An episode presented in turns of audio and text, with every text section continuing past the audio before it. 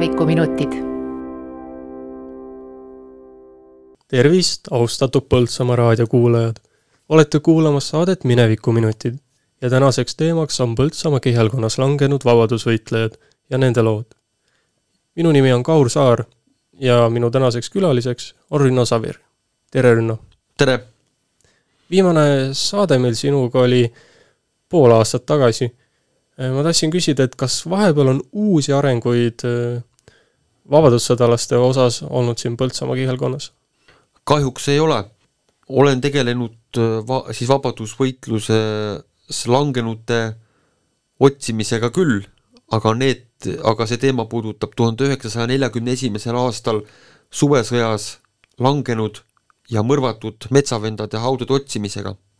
kahjuks äh, seni veel leidmata Vabadusristi kavaleriide ja langenute haudu rohkem pole leidnud, sest lihtsalt äh, infot ei ole puuduolevate haudade kohta mulle laekunud. arusaadav. ja nagu ennist mainisin, siis tänaseks teemaks on Põltsamaa kihelkonnas äh, langenud vabadussõdalased. ja esimeseks võtaksimegi siis äh, näiteks lõunarindel osalenud vabadusvõitlejad. jah, miks mitte Te-, teemasse võiks võtta ka need, kes langesid ka ütleme ka näiteks Kagurindel. Äh, puudutaks siis Põltsamaa Ühisgümnaasiumi langenud õpilasi ja nendeks oleks siis, ja neid oli kokku viis poissi ja nendeks oleks reamees Jaan Aua. tema sündis siis viisteist oktoober tuhat kaheksasada üheksakümmend üheksa Viljandi vallas vabadussõja ajal oli ta kuuenda jalaväepolgu kooliõpilaste roodus. Rood on siis tänapäeva mõistes kompanii, tollel ajal oli siis rood umbes sadakond meest, poissi. Ja kooliõpilastest oli moodustatud siis äh, nii Viljandi õpilaste rühm kui ka Põltsamaa õpi-, nagu õpilaste rühm. ja poisid olid väga võitlushimulised ning äh, vägagi motiveeritud võitlema ajaloolise vaenlasega ehk Balti Landesveriga. Jaan Aua langes võitluses sakslastega ehk Landesveriga vangi ja tapeti kahekümnendal juunil tuhat üheksasada üheksateist Lätimaal Roopa Straupe alevi juures. tema on maetud siis Suure-Jaani kalmistule. Jaan Aua jäi üheksateist aastaseks aga Jaan Aua kohta on äh, ja tema kaasvõitleja mõrvamise kohta on raamatus isegi täitsa huvitav lugu olemas.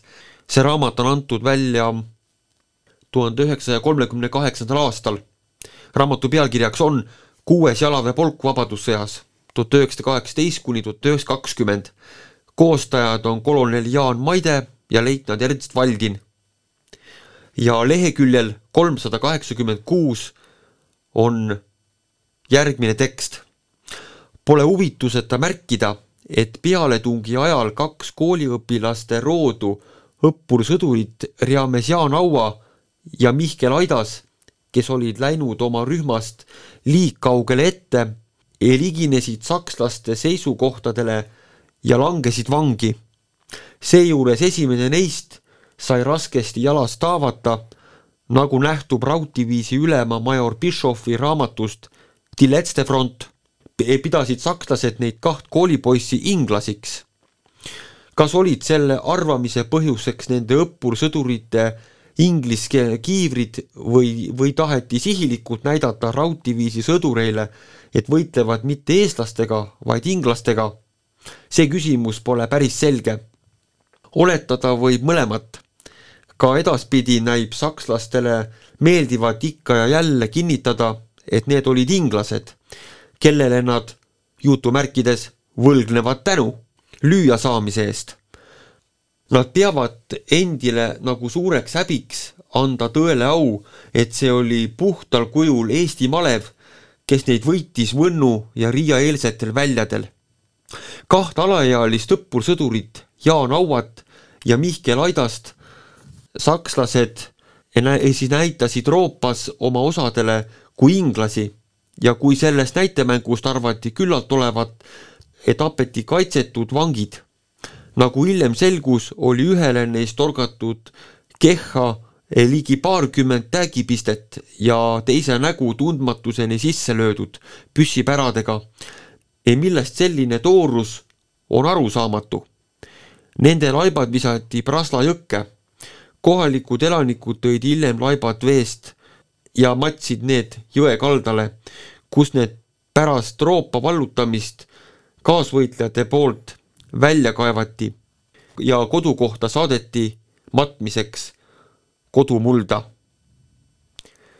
leheküljel kolmsada üheksakümmend jätkub meie viieteistkümnenda roodu kooliõpilaste rühm ja ratsaluurajate komando vastupeale tungile kahekümnendast juunist annab tunnistuse rauddiviisi ülema major Bischoff. ta kirjutab raamatus Tilets de front, et pärast Roopa vallutamist arendas major Kleist rauddiviisi peajõudude grupi pealetungi üleoleva rahuga ja suure osavusega. ta laskis üksikuid gruppe peale tungida suure vahemaaga ja hoidis alal sügava paigutuse, mis oleks nagu ainukeseks õigeks tegutsemiseks viisiks nii selguseta olukorras, kui ta oleks asunud kohe pealetungile kõigi jõududega, siis oleks sündinud juba kahekümnenda juuni pärastlõunal suur katastroof. vaenlane asus üllatavalt järsku pealetungile eh, naba ümbrusest, põhjast ja läänest läbi metsa ja oleks haaranud kolonni seljatagust. kui sealt poleks olnud saata vastu pealetungile üht varupataljoni, mis vaenlase lõi suurte kaotustega tagasi. seetõttu tekkis metsas täägivõitlus ja seal tegevust juhtivad ohvitserid tõendavad kindlasti, et nad on sattunud inglaste peale ja neist kaks tapnud.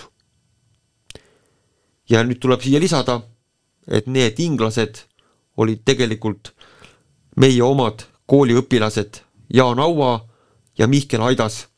üks neist oli siis Põltsamaa ja teine Viljandi gümnaasiumi õpilane. kui ma ei eksi, siis Strope oli, hääldasin õigesti jah, Strope? Straupe. Straupe, et äh, see on ju üheksakümmend või kaheksakümmend kilti Riiast, et ei oldud, ei oldud üldse kaugel enam Riiani jõudmisest. ei, kindlasti mitte. aga õpilastest äh, langes veel li-, no lisaks Jaan Auale ka reamees Aleksander Kabel. tema sündis kakskümmend märts tuhat üheksasada Puurmani vallas vabadussõja ajal võitles temagi kuuendas jalaväepolgus kooliõpilaste roodus. ta langes kakskümmend üks juuni tuhat üheksasada üheksateist Lätimaal Stolbeni Stalbe mõisa juures. tema on maetud Kursi kalmistule. Aleksander Kabel jäi üheksateistaastaseks. Ka tema kohta on lugu sealsamas raamatus Kuues jalaväepolk Vabadussõjas leheküljel kolmsada üheksakümmend kuus kuni kolmsada üheksakümmend seitse olemas. ma tsiteerin, vahepeal oli ka kooliõpilaste rood, roodurühmad, mis soo peal julgestuseks ja luureks ette nihutatud lühike tulivõitlus ühe vastase osaga. viimane oli roomanud märkamatult läbi rukki põllu kooliõpilaste rühma lähedale. ühe õppursõduri hüüde peale sakslased rukkis, avati sealt rühmale raske kuulipilv ja tuli. ootamatu, et siis tulilöök oli niivõrd mõjuv, et see sumbutas lühikese aja jooksul meie õppursõdurite püssitule. esimestest vaenlase kuulidest sai ninast haavata rühmaülem Veltveebel kampus. Matseni sihtur, õppursõdur Aleksander Kabel kes mädaste tõttu ei saanud lasta lamades, tulistas kuulipildujast põlvelt ja sai ühest vastase valangust mitu kuuli e-, erindu. ta varises ääretult kokku. mitu meest sai haavata.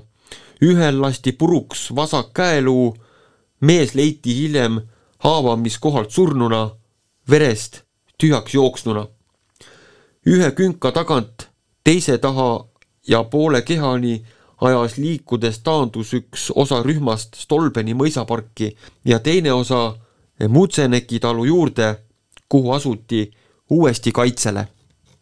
nii et sellisena langes siis üks kooliõpilane, Aleksander Kabel, kuulipilduja käes. no mul oleks küsimus, et miks just need, miks just Landesveri sõdurid väga üritasid nii-öelda eestlasi inglaste pähe määrida, et kas see oli siis nii-öelda nende oma sõduritele, et et ei ole need eestlased, kes meid nii kõvasti nii-öelda siis meile tappa annavad, vaid et on inglased? jah, täpselt niimoodi, nad üritasid oma sõduritele näidata, et et meil on vastased inglased, kogenud sõdurid, aga mitte mingisugused tavalised eestlastest, piltlikult öeldes maa, nagu maamatsid ja mingid poisikesed, kellele nad siis teevad nüüd äh, esimese maailmasõja suurte kogemustega sõduritele ära. see lõi mulle natuke niisuguse väikse mõtte, et praegu põhimõtteliselt on täpselt sama asi, et Ukrainas, kus üritatakse pähe määrida, et tegu ei ole ukrainlastega, kellega siis Vene armee sõdib, vaid on, vaid on hoopis inglased ja NATO väed. aga lähme edasi. jah kolmas õpilane, reamees Paul Rebane, tema sündis kahekümne kolmandal jaanuaril tuhat üheksasada kolm Imavere vallas. temagi võitles Vabadussõja ajal kuuendas jalaväepolgus kooliõpilaste roodus. tema sai haavata kakskümmend üks juuni tuhat üheksasada üheksateist Lätimaal Stolbeni Stalbe mõisa juures. ta suri haavadesse kahekümne seitsmendal juunil tuhat üheksasada üheksateist Tartu esimeses sõjaväehaiglas. tema on maetud siis Pilistvere kalmistule Paul Rebane jäi kuueteistaastaseks. aga Paul Rebase kohta on veel, on veel teada selline lugu, et Lätimaal Stolbenis sai kahekümne viiendal juunil ta raskelt haavata. kuul oli läbinud käe ja see opereeriti arsti poolt. kirstus oli lahtine käsi surnu kõrval. isale saadeti teade, et poeg on Tartu haiglas. isa sõitis hobusega Tartu, kus kuulis, et haavatu saadetud Viljandisse kus omakorda kuulis, et äh, poeg Tartu tagasi saadetud ja lõpuks sai Tartust poja surnukeha kätte. maeti Pilistvere kalmistule. nii et äh, selline lugu on siis teada õpilane Paul Rebase kohta. relv käes sihiks silme ees, otsin vaenlast silmapiiril kaevikus sügavaks kaevasin, hoidsin pead, et ei tabaks mind kuuli. suur tükse puistas tuld särav valgeks värvus taevas. valukarjeis ohvitser viimsed käsud suult poetas. sõdur, haara relv kätte, sõdur, relv kätte, sõdur relv kätte, kaitse kodumaad.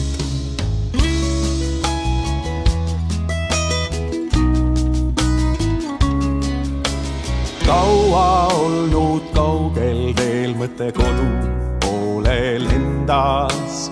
isa suu ahju ees viimset söö helendama puhkas. Ema laul aitas poja unele, kui mürsud kaugel kossi igatsus kodu järele sügavale hinge puges.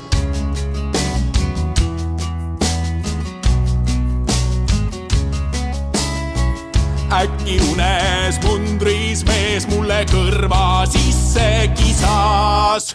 sõdur, relv kätte, sõdur relv kätte, sõdur, relv kätte, kaitse kodumaad.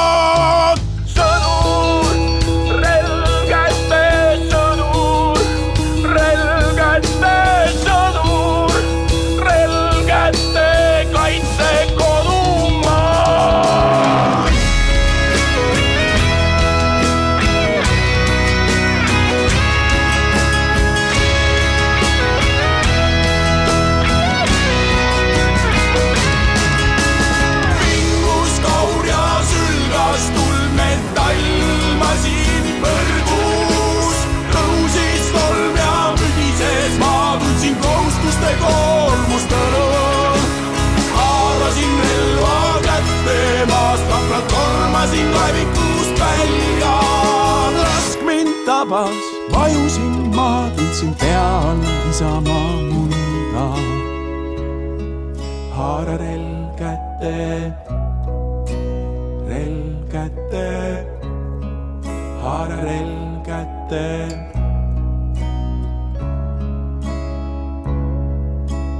relv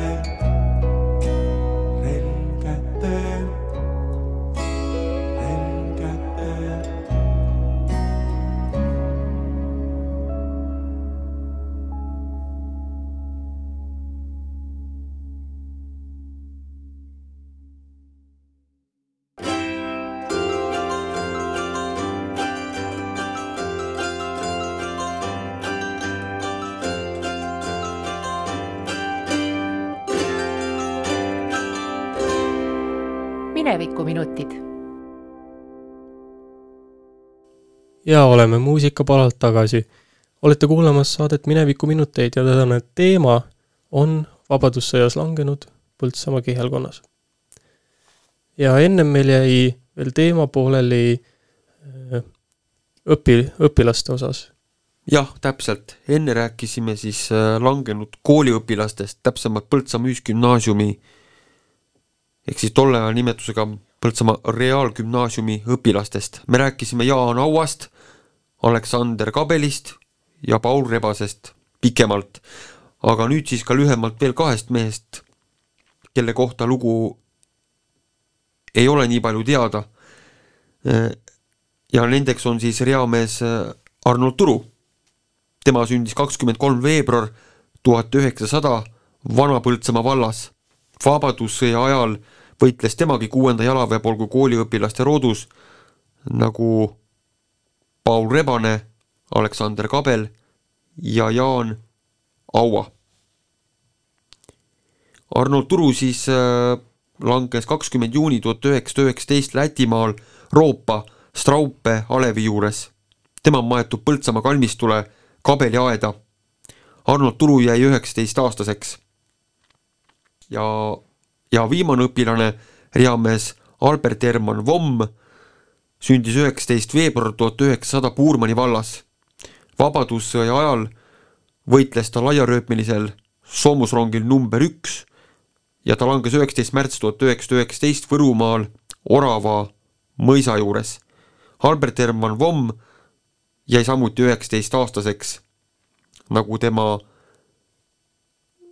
kolm eelnevat õpilast.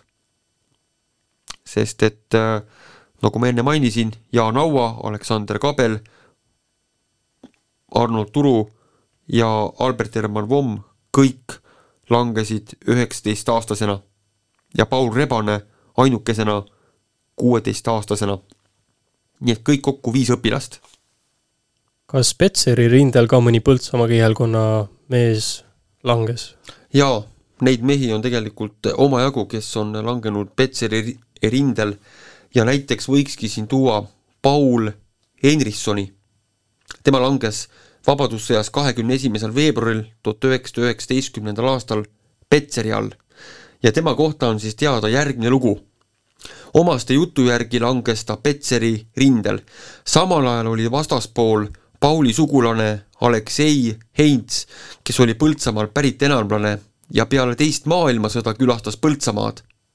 Oli rääkinud, et kord olevat kuulnud, et vastasrindel on langenud eestlasi. Läks huvi pärast vaatama ja tundis ära oma Põltsamaa sugulase Paul Henrissoni.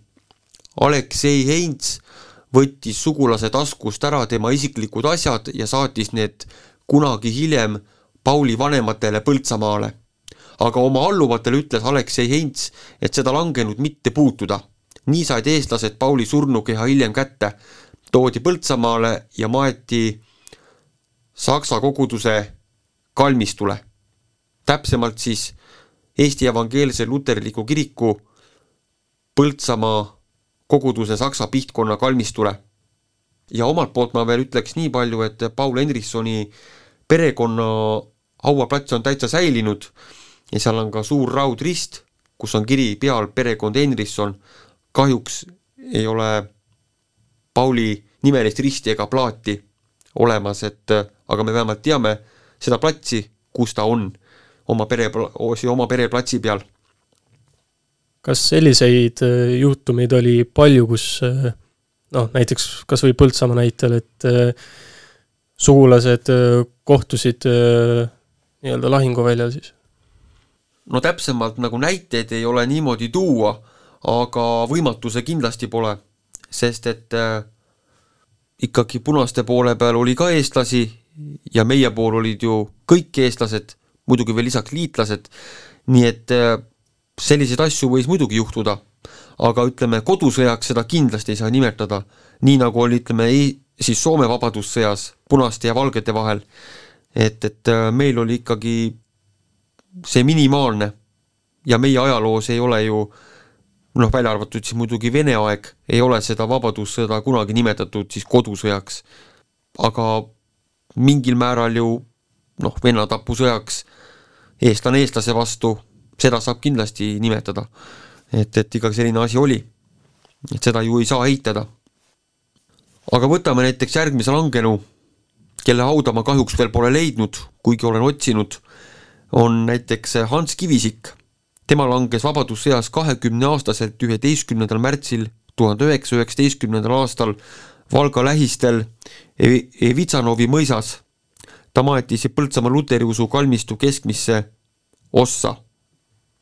isa oli toonud poja Vitsanovist ära, enne aga oli langenud poeg maetud koos kaheksa mehega. maetud oli kirstudeta, puhtas liivases pinnases. maikuus oli see äratoomine riigi poolt anti kirst Audse luteri usu keskmisesse surnuaeda. nii et äh, ka selline saatus. aga üldiselt peab ütlema selle kohta, et äh, lähedased üldiselt ikkagi püüdsid oma langenud poegi ikkagi kodukalmistule tuua. aga muidugi on ka neid Põltsamaa kihelkonna mehi, kes nagu ongi jäetud sinna, kuhu ta maeti et nagu ehk siis mingil põhjusel otsustati, et, et las ta puhkab seal, kuhu ta pandi. et ka neid näiteid on tegelikult päris omajagu. sellised ümbermatmised siis olid üsna tavapärased, et isegi kui inimene oli juba maetud, siis noh, nagu eelmise loo näitel, et isa läks ja kaevas ümber ja viis ära. jaa, oli küll, näiteks äh, teine samasugune mees on August Linask Põltsamaa kihelkonnast tema sündis kahekümne viiendal veebruaril tuhat kaheksasada üheksakümne viiendal aastal ja Vabadussõda läks Pajusi mõisale kuuluva Luige karjamõisa sepana. kahjuks August Inaski hauda ma ei ole ka veel leidnud, aga siiski temast on lugu olemas. aga teada on, et August Inask langes Ruhja lahingus. Sõjaväe poolt pandi ta kirstu ja kaanele kirjutati aadress peale, et kirst Jõgeva raudteejaamas maha osatakse võtta. aga sõjaolukorra tõttu sattus kirst hoopis Tallinna. eelnevalt olid kodused saanud teada, et August Linask on langenud, kuid edasisest tegevusest jäi teatamata. ja lõpuks saadi kodus teada, et August on maetud Tallinnas vanemad sõitsid hobusega Jõgevale, sealt rongiga Tallinna, pärg kaasas poja hauale panekuks. August oli maetud ühiskalmistule. Tallinnas oli küsitud igaks juhuks, et ehk ega, et ehk ema soovib poega kätte saada. ema vastas, et soovib küll. isa aga ütles, et tulid selle mõttega, et hauale pärga panna. aga sõjaväe ülemus arvab, et, et langenu ema soov tuleks täita. antud kümme meest appi ja kirst kaevati välja. see oli tülikas töö, sest peen liiv kukkus pidevalt haula tagasi kirst oli liiva tõttu puhas ja korras ning sama kirstuga toodi surnu rongiga Jõgevale. ja sealt jõuti hobusega hilisõhtul Põltsamaale. surnuaia juures jalutasid mitmed Põltsamaa gümnaasiumi õpilased ja isa palus poisse appi. kuulnud, et kirstus on sõjas langenud mees, rutasid gümnasistid kohe abistama. kalmistuvaht Jalakas laskis võtmega kabelisse ja siis järgmisel päeval toodi kodust ülikond ja seati surnu korda August oli saanud peast haavata ja osa pead oli kuklast ära. pea oli marliga kinni, maeti kabeliaeda, alul sai hauale puurist, hiljem raudrist. nii et vaat selline lugu on siis teada ühest kangelasest, August Linaskist. et kahjuks tema surmaga ei olnudki veel kõik lõppenud, et, et saatus on vahel ka sõduritele selliseid vintsutusi siis peale surma ette määranud. millest see sõltus, et kas langenu maeti kohe maha või sa-, saadeti ta omaks ette juurde? see sõltus kindlasti väga paljudest asjaoludest, aga eelkõige oli ikkagi see, et äh, sõjas on tavaliselt kiire. rinne võib liikuda kas edasi või võib ka tagasi liikuda ja ega, ega langenutega ei olnud tihtipeale aega tegeleda. see tähendaski, kui rinne liikus edasi ja kui neid ei olnud võimalik kohe tagalasse saata, nad maetigi maha. aga samas, kui aega oli, muidugi nad saadeti ikkagi ära, aga tõesti väga palju juhtus ka seda, kui tõesti aega polnud, maetigi nagu esimesse kohta maha, kus oli võimalik, koht märgistati ära ja siis teati, et hiljem maetakse nad nagunii siis, siis tseremoniaalselt ümber. aga kas selliseid võimalusi oli ka, et surnukeha nii-öelda siis läks äh, lihtsalt äh, kaduma, sest äh, noh, näiteks vaenlane tuli peale ja vaenlane näiteks ei ma-, matnud teda või, ja siit jätkuküsimus, et kui kuidas üldse suhtusid nii-öelda punased siis eest-, eest-, eestlastest langenute suhtes? Jaa, need on sul head küsimused. ka Põltsamaa kihelkonnast on pärit üks mees, kelle nimi on Vabadussõja ausambal Põltsamaal ja kes jäi rindel kadunuks. selleks meheks oli siis leitnant Konstantin Rosenstein, kes võitles neljandas jalaväepolgus aga kuidas siis võis teadmata kadunuks jääda? no näiteks äh, toimus rünnak, aga vastane oli võib-olla seekord tugevam ja lõi rünnaku tagasi ja taandumine oli nii kiire, et äh, juhtus ka meie poole peal seda, et äh, maha jäi taandumisel nii haavatuid kui ka langenuid.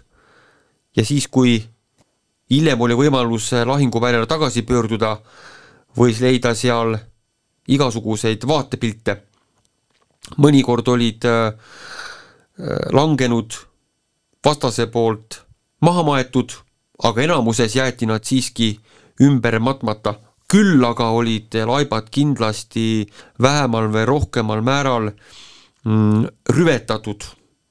no näiteks äh, täitsa tavaline oli, et tolle aja oludes äh, eh, võeti kõik väärtuslik, mis taskutes oli ja muidugi ka seljast ja jalast. selline aeg oli lihtsalt ja seda tegid ka meie poole mehed. ja lihtsalt nii palju teadmiseks, et seda tehti ka Teise maailmasõja aeg ja selleks tegevuseks oli omamoodi ka väljend sõdurite keeles. teise maailmasõja aeg oli siis selline väljend, et et mehed, lähme pöörama noh, see tähendabki seda, et, et mindi siis laipu läbi otsima ja väärtuslikku nendest vabastama, sest neil ju enam seda polnud vaja. nii et äh, selliseid äh, lugusi juhtus. aga kuidas eestlased nii-öelda siis langenud punastesse suhtusid, kas noh, ma sain aru, et noh, nii-öelda eestlased samamoodi tegid siis nii-öelda seda pööramist, saab öelda, on ju, aga, aga kuidas surnukehadesse suhtuti, kas maeti maha või jäeti välja? ikka maeti maha, sest et eh, eestlane on ikka kultu-, kultuurne inimene, kes suhtub ka vastase langenusse ikkagi kui inimesesse. jah, temalt võeti kõik äh, nagu ära, et, et mida läks endal vaja ja, ja ju nagunii relvad koristati ära, sest neid ju kõike läks ju endal vaja aga ikkagi vastane maeti maha ja seal ei olnud laipade rüvetamist, et, et veel isegi näiteks laipu torgiti tääkidega ja et sellist asja ei olnud kindlasti eestlaste seas. aga näiteks äh, siis leitnant Konstantin Rosenstein, tema on siis äh, sündinud kümnendal augustil tuhat kaheksasada üheksakümmend neli Tartus et kuidas ta on seotud üldse Põltsamaa kihelkonnaga, see on natuke segane lugu. ma olen seda sõjaajaloolase Ain Grilloga ka arutanud, et kuidas tema nimi võis sattuda Põltsamaa ausambale ja kahjuks tema ei tea ka vastust. aga tõenäoliselt ta pidi ikkagi mingi aeg siin Põltsamaal nagu elama ja, ja tegutsema. et, et muidu ei oleks ju suvalise langenu nime ikkagi siia ka ausambale sattunud, et ta pidi olema seotud kuidagi, aga kahjuks kuidas, mismoodi, kellega, kahjuks ei tea. aga siis äh, leitnant Konstantin Rosenstein võitles Vabadussõjas alates kahekümne seitsmendast novembrist tuhat üheksasada kaheksateist Tallinnas ohvitseride reservis olles. ja kahekümne üheksanda novembrini tuhat üheksasada kaheksateist võitles ta neljanda jalaväepolgu esimese roodu nooremohvitserina. juulist tuhat üheksasada üheksateist oli ta vanemohvitser ja ta täitis augustis tuhat üheksasada üheksateist ajutiselt ka esimese roodu ülema kohuseid. alamleitnanti auastme sai ta tuhande üheksasaja üheksateistkümnendal aastal. ta osales Viru ja Narva rindel lahingutes ja jäi kahekümne neljandal novembril tuhat üheksasada üheksateist Ingerimaal Narva all Vjodorovka küla juures teadmata kadunuks. ja tema kohta on siis järgmist kirjas.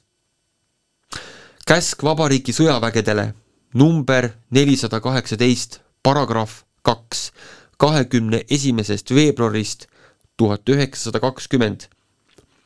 allpool järgnevad neljanda jalaväepolgu ohvitserid, kes võitlustest teadmata kaduma läinud, kustutatakse nimetud polgu nimekirjast maha.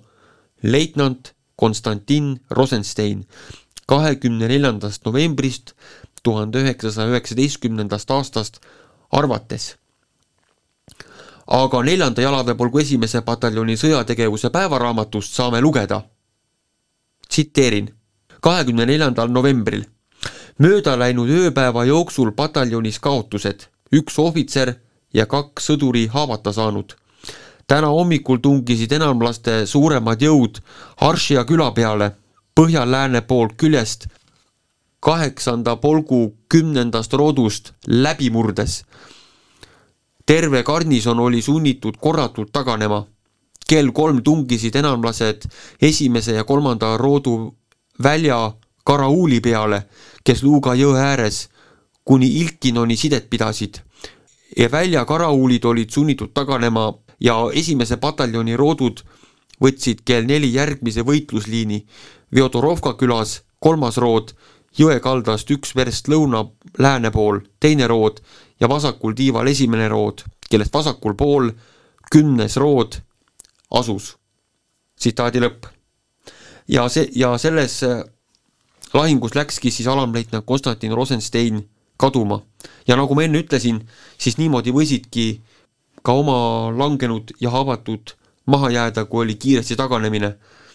et üldiselt selliseid asju püüti vältida, aga vahel ikkagi juhtus, et äh, ei no mindi paanikasse ja, ja taanduti. sest et siin ei ole midagi teha. Eh, teatud hetkedel on iga inimese elu omal kõige kallim. et nii lihtsalt on ja see on iga sõjaaeg ja on ka tulevikus niimoodi.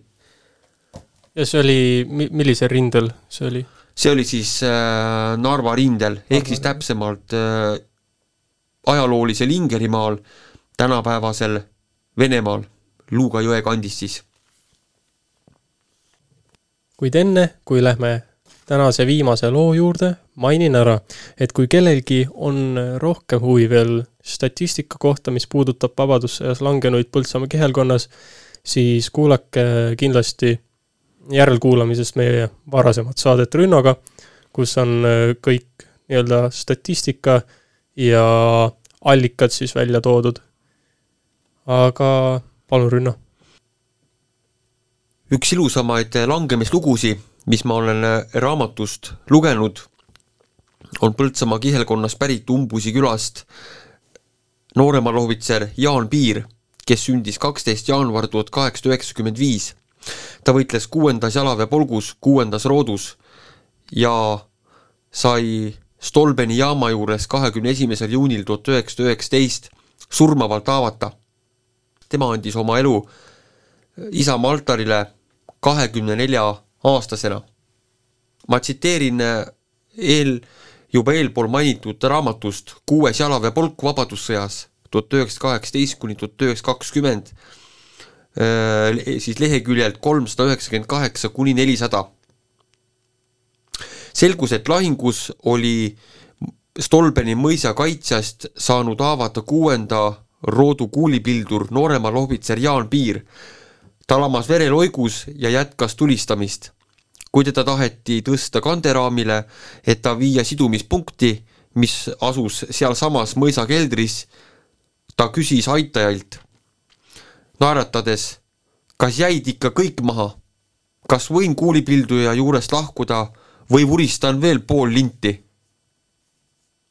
kahjuks oli see kangelase viimane naeratus, sest paar tundi hiljem ta kanti polgu langenute nimekirja.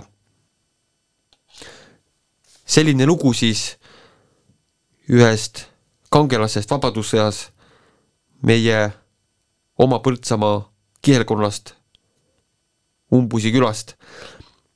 Jaan Piiri haud on tema perekonna platsil säilinud keskaias, mille ümber on ka ilus raudvärav ja kalmistu vahilt tasub küsida, kus on selle mehe haud, kus on Jaan Piiri haud? Ja tasub viia sinna nii lilli kui ka küünlaid, eriti tuleval vabariigi aastapäeval ja võidupüha eel, sest see mees väärib meelespidamist. Head järelemõtlemist teile kõigile vabaduse hinna üle